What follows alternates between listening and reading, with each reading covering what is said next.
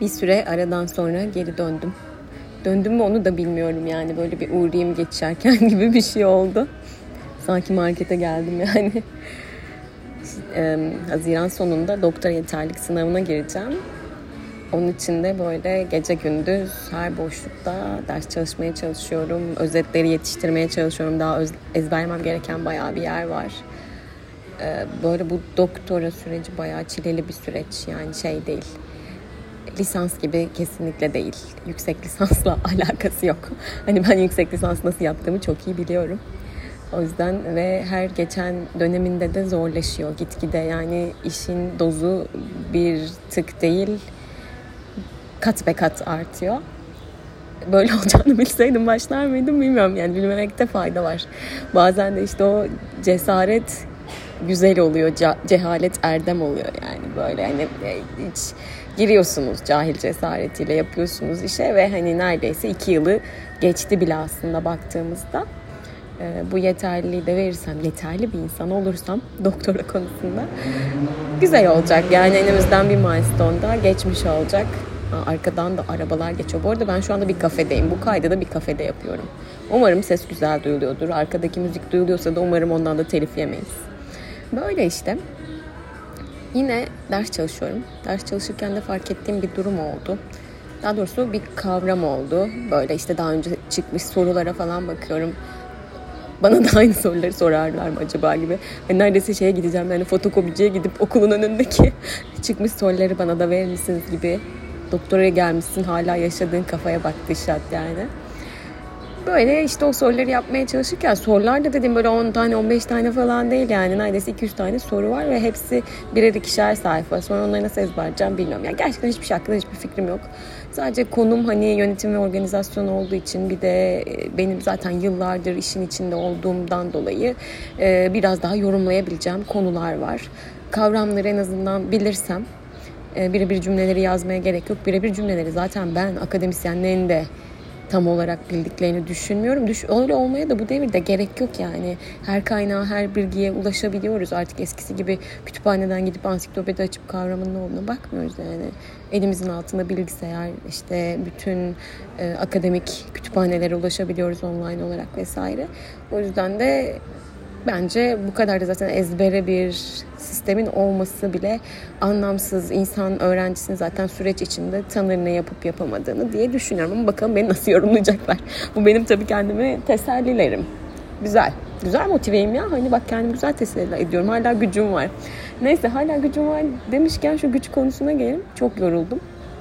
Artık böyle hani anlamsız anlamsız dalıp gidiyorum. Sol gözüm seyriyor sürekli ekrana bakmaktan, yorgunluktan e, şeyi okuyorum böyle bir taraftan sol göz seyirmesi batıl olarak ne anlama gelirmiş, sağlık anlamında ne gelirmiş falan gibi. Sağlık anlamında tabii ki de uzun süre ekrana baktığınızda sol göz seyirilmiş. İşte çok fazla kitap okursanız gibi böyle şeyler olurmuş ve uykusuz kalırsanız olurmuş. E bunların hepsi mevcut şu anda o yüzden e, demek ki bir süre sonra ben bunlardan kurtulduğumda, kurtulduğumda değil de hani en azından ara verdiğimde bu geçecek demektir.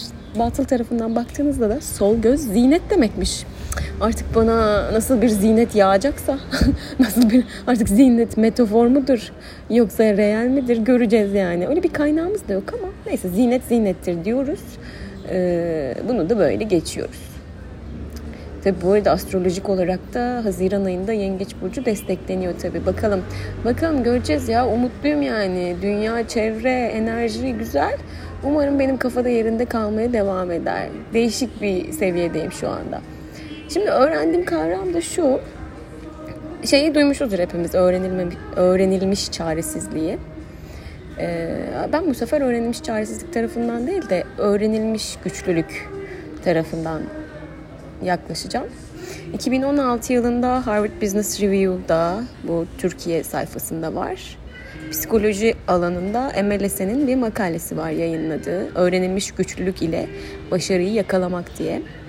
Ee, ben de böyle çok enine boyuna okumadım ama hani biz hep öğrenilmiş çaresizlik tarafından bakıyoruz ya bir şeyi başaramadığımızda ya da çevremizdeki şartların onu başaramayacağımıza, bizi çaresiz bırakacağına inandığımızda e, bir süre sonra artık onu kabulleniyoruz, öğreniyoruz.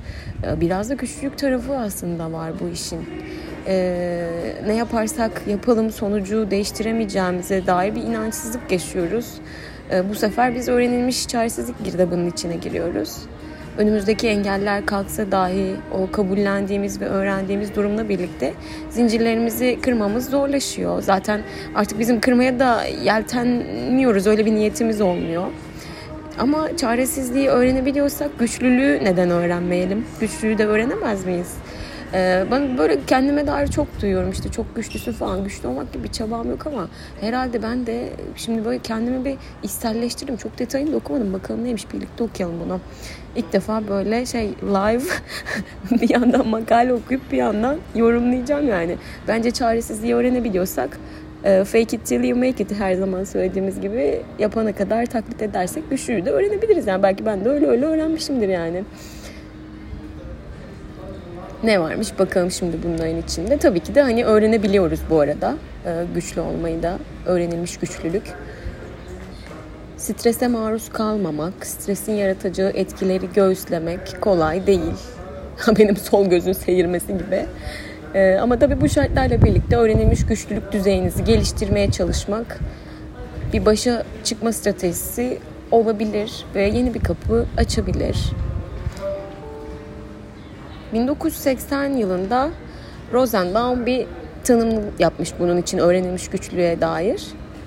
Stresli ve güç durumlarda yaşanılan etkiyi azaltmak yönünde bireyin duygularını ve bilişlerini düzenleyebilmesini sağlayan beceriler ve bu becerilerinden oluşan dağarcık olarak ifade etmiş. Bu açıdan baktığımızda güçlülük kişiyi motive eden bir güç gibi görülmekten ziyade bilişsel yeteneklerle hayat bulduğunu söylemek aslında. Ayrıca bu yetenekler olayları kontrol etmekten öte olayların kişi üzerindeki etkilerini azaltma yönünde kişiye üstünlük sağladığını da vurgulamak lazım. Şimdi aslında biz güçlü olmayı öğrendiğimizde, o da ne demekse yani hani güçlü olmayı öğrendim ben, iki kur derse gittim, güçlü oldum falan bir şey yok tabii ki de yani bunları bu sorunlarla yüzleşe yüzleşe yaşaya yaşaya herhalde bir yerden sonra bu bağışıklığı da kazanıyoruz. Ee, ama bunun bence biraz tabii karakterle de ilgisi var yani. Ee, bu yine şeye geliyor konu, resilience konusuna geliyor. Duygusal dayanıklılık, duygusal esneklik konusuna geliyor. Ee, peki biz güçlü olmayı öğrendiğimizde aslında ne elde etmiş oluyoruz? Ne yapıyormuşuz yine? Stresli durumlarda diğer kişilere göre daha iyi performans göster. Artık böyle o kadar şeyin kıyısındayım ki yani çok keskin bir bıçağın üzerindeyim. E daha iyi performans göstereceğiz de ne olacak falan. Yorgunum yani gerçekten yorgunum. Ama hani daha iyi performans gösterdiğimiz, göstermek istediğimiz durumlarda stres karşısında en azından bu bize bir fayda sağlıyor. Yine problem çözme yeteneği geliştirebiliyoruz. Ee, karşılaştığımız durumlara olumlu bir bakış açısıyla karşılık verebiliyoruz. Bu bence çok önemli bir şey ya. Ben ne bileyim pesimizm sevmiyorum. Ya da böyle karşımda hep böyle yokuş yapan ya da o olmaz zaten biz onu olduramayız insanları görünce oradan kaçasın falan geliyor yani. Hani bir şeyin bir yolu vardı. Bugün de yaşadım böyle benzer bir durum. Ve hani bir yolunu bulduk ve çözdük yani. O yolu denememek, o yolu düşünmemek. Tembellik ya. Ben tembelliği sevmiyorum. Yani hani bu sadece iş hayatında değil, her yerinde hayatın olan bir şey. Ee, diğer taraftan duygu ve düşüncelerini kontrol altında tutabilme, otokontrolünü geliştirebilme ve belki de koruyabilme için e, fayda sağlayan bir şey öğrenilmiş güçlülük. Ve de tabii daha özgüvenli hareket edebilmeyi sağlıyor. Ama tabii bu işler psikolojinin her yerlerinde olduğu gibi çocukluktan başlıyor. Yani bu dağarcığı ve yeteneği geliştirmeye o zamandan aslında biz başlıyoruz. İşte insanlarla kurduğumuz etkileşimler, gözlemlediğimiz, incelediğimiz rol modeller, bilgi edinimlerimiz, anlam üretmelerimiz, ya da eğitim yöntemleriyle bireyin katılımını gerektiren çeşitli metotlarla biz bu güçlülük düzeyimizi belirleyebiliyoruz, geliştirebiliyoruz ya da oraya katkı sağlayabiliyoruz. Oraya işte yatırım yapabiliyoruz. Ama tabii daha çok burada araştırmalar yapılırken çocuklar ve öğrenciler üzerine yapılmış hem Türkiye'de hem de dünyada Ee, ve daha ziyade akademik başarı, stres, otokontrol, alkol, sigara kullanımı, sağlık problemleri, tükenmişlik sendromu, yaşam kalitesi, psikolojik esenlik, e, aile içi ilişkiler, depresyon ve doyumla ilişkilendirilmiş, tatminle ilişkilendirilmiş. E, iş hayatına nasıl ağırlık verecek, iş hayatındaki bu olgu nasıl değerlendirecek kısmına aslında bakmak lazım.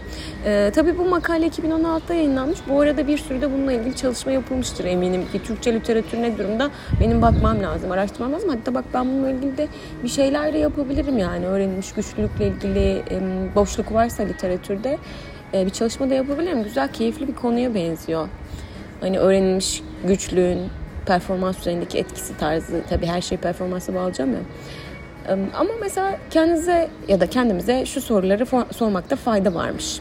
Bu, bu öğrenilmiş güçlülük konusuyla ilgili. Mesela bir başarısızlık yaşadınız. Bu başıma gelen en büyük felaket mi dersiniz?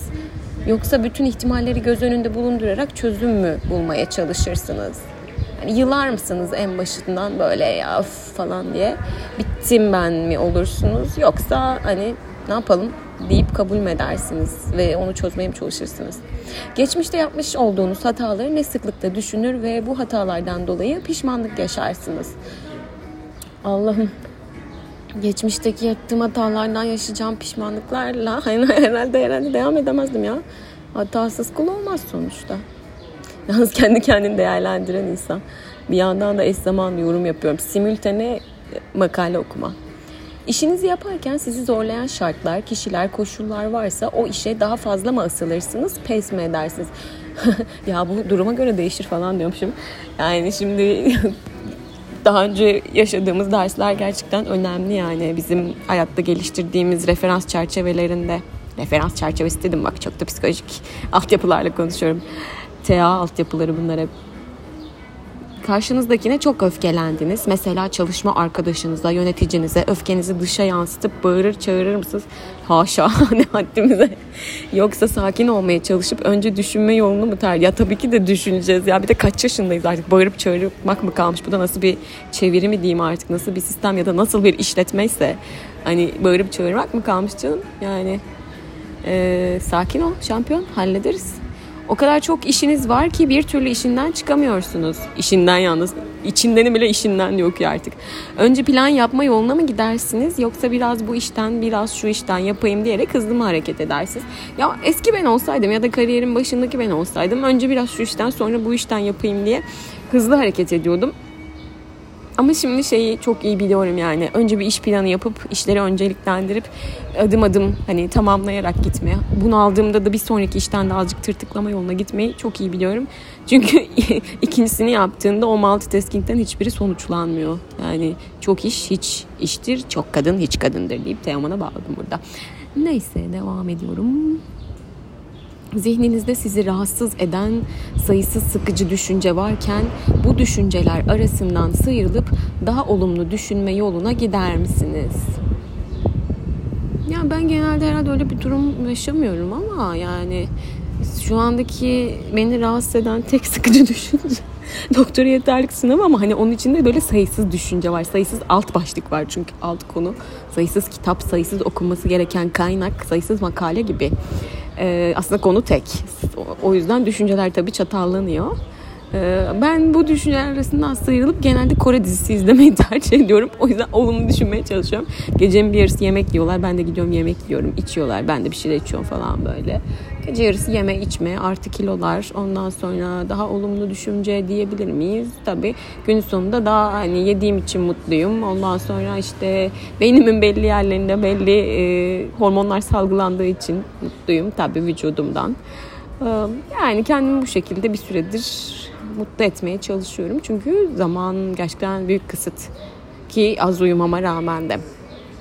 Ama hani olumlu düşünme kendimce kendi ne diyeyim hmm, kendi mindful ortamımı yaratıyorum ama kendi standartlarımda. Lütfen mindfulness'ı böyle şey gibi anlamayalım.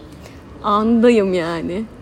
Güç durumlarla karşı karşıya kaldığınızda başka insanlardan yardım ister misiniz? Dikkatiniz dağıldığında ne yaparsınız? Ha, iki soru var şimdi burada.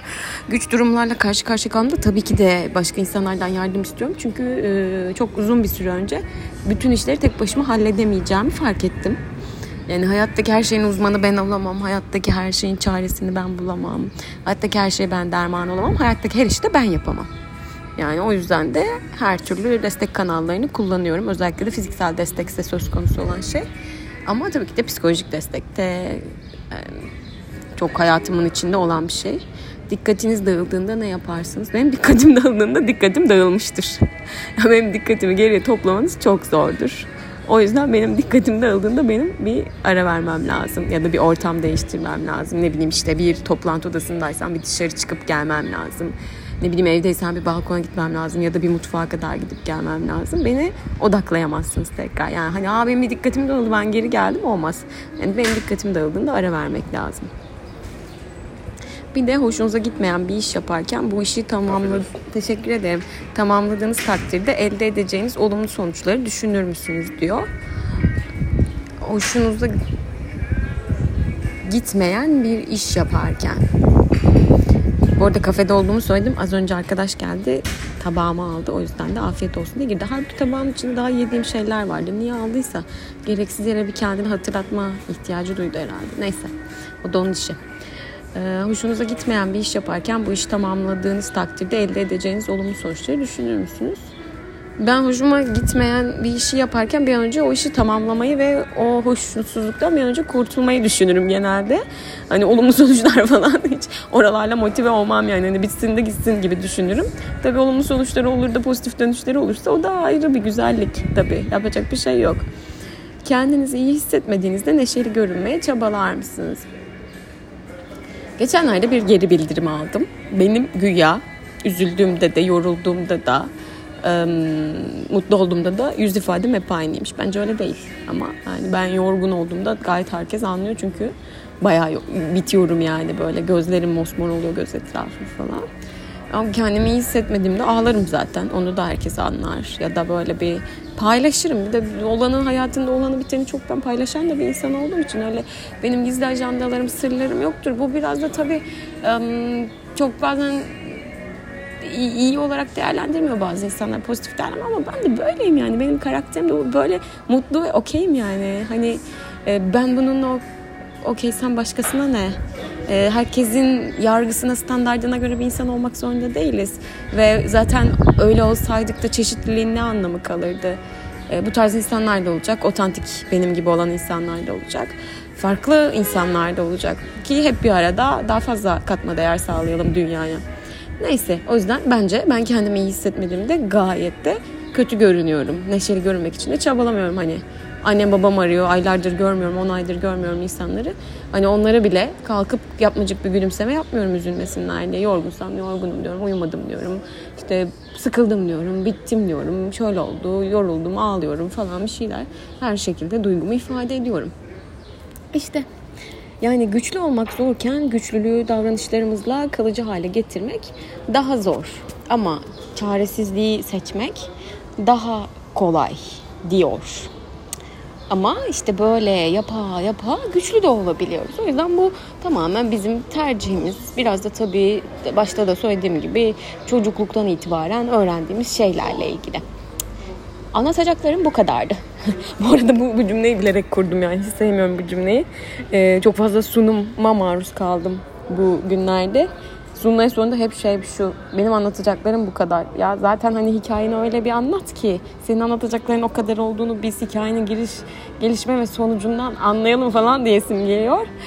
Bir de İngilizcesi var tabii bu işin. That's all from my side.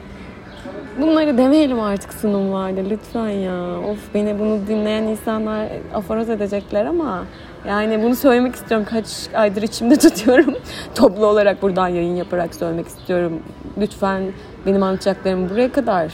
That's all from my side gibi kalıpları e, ne diyeyim sunuşlarımızın, hitaplarımızın, toplantılarımızın, e, açılışlarımızın sonunda kullanmayalım. Dinlediğiniz için teşekkürler.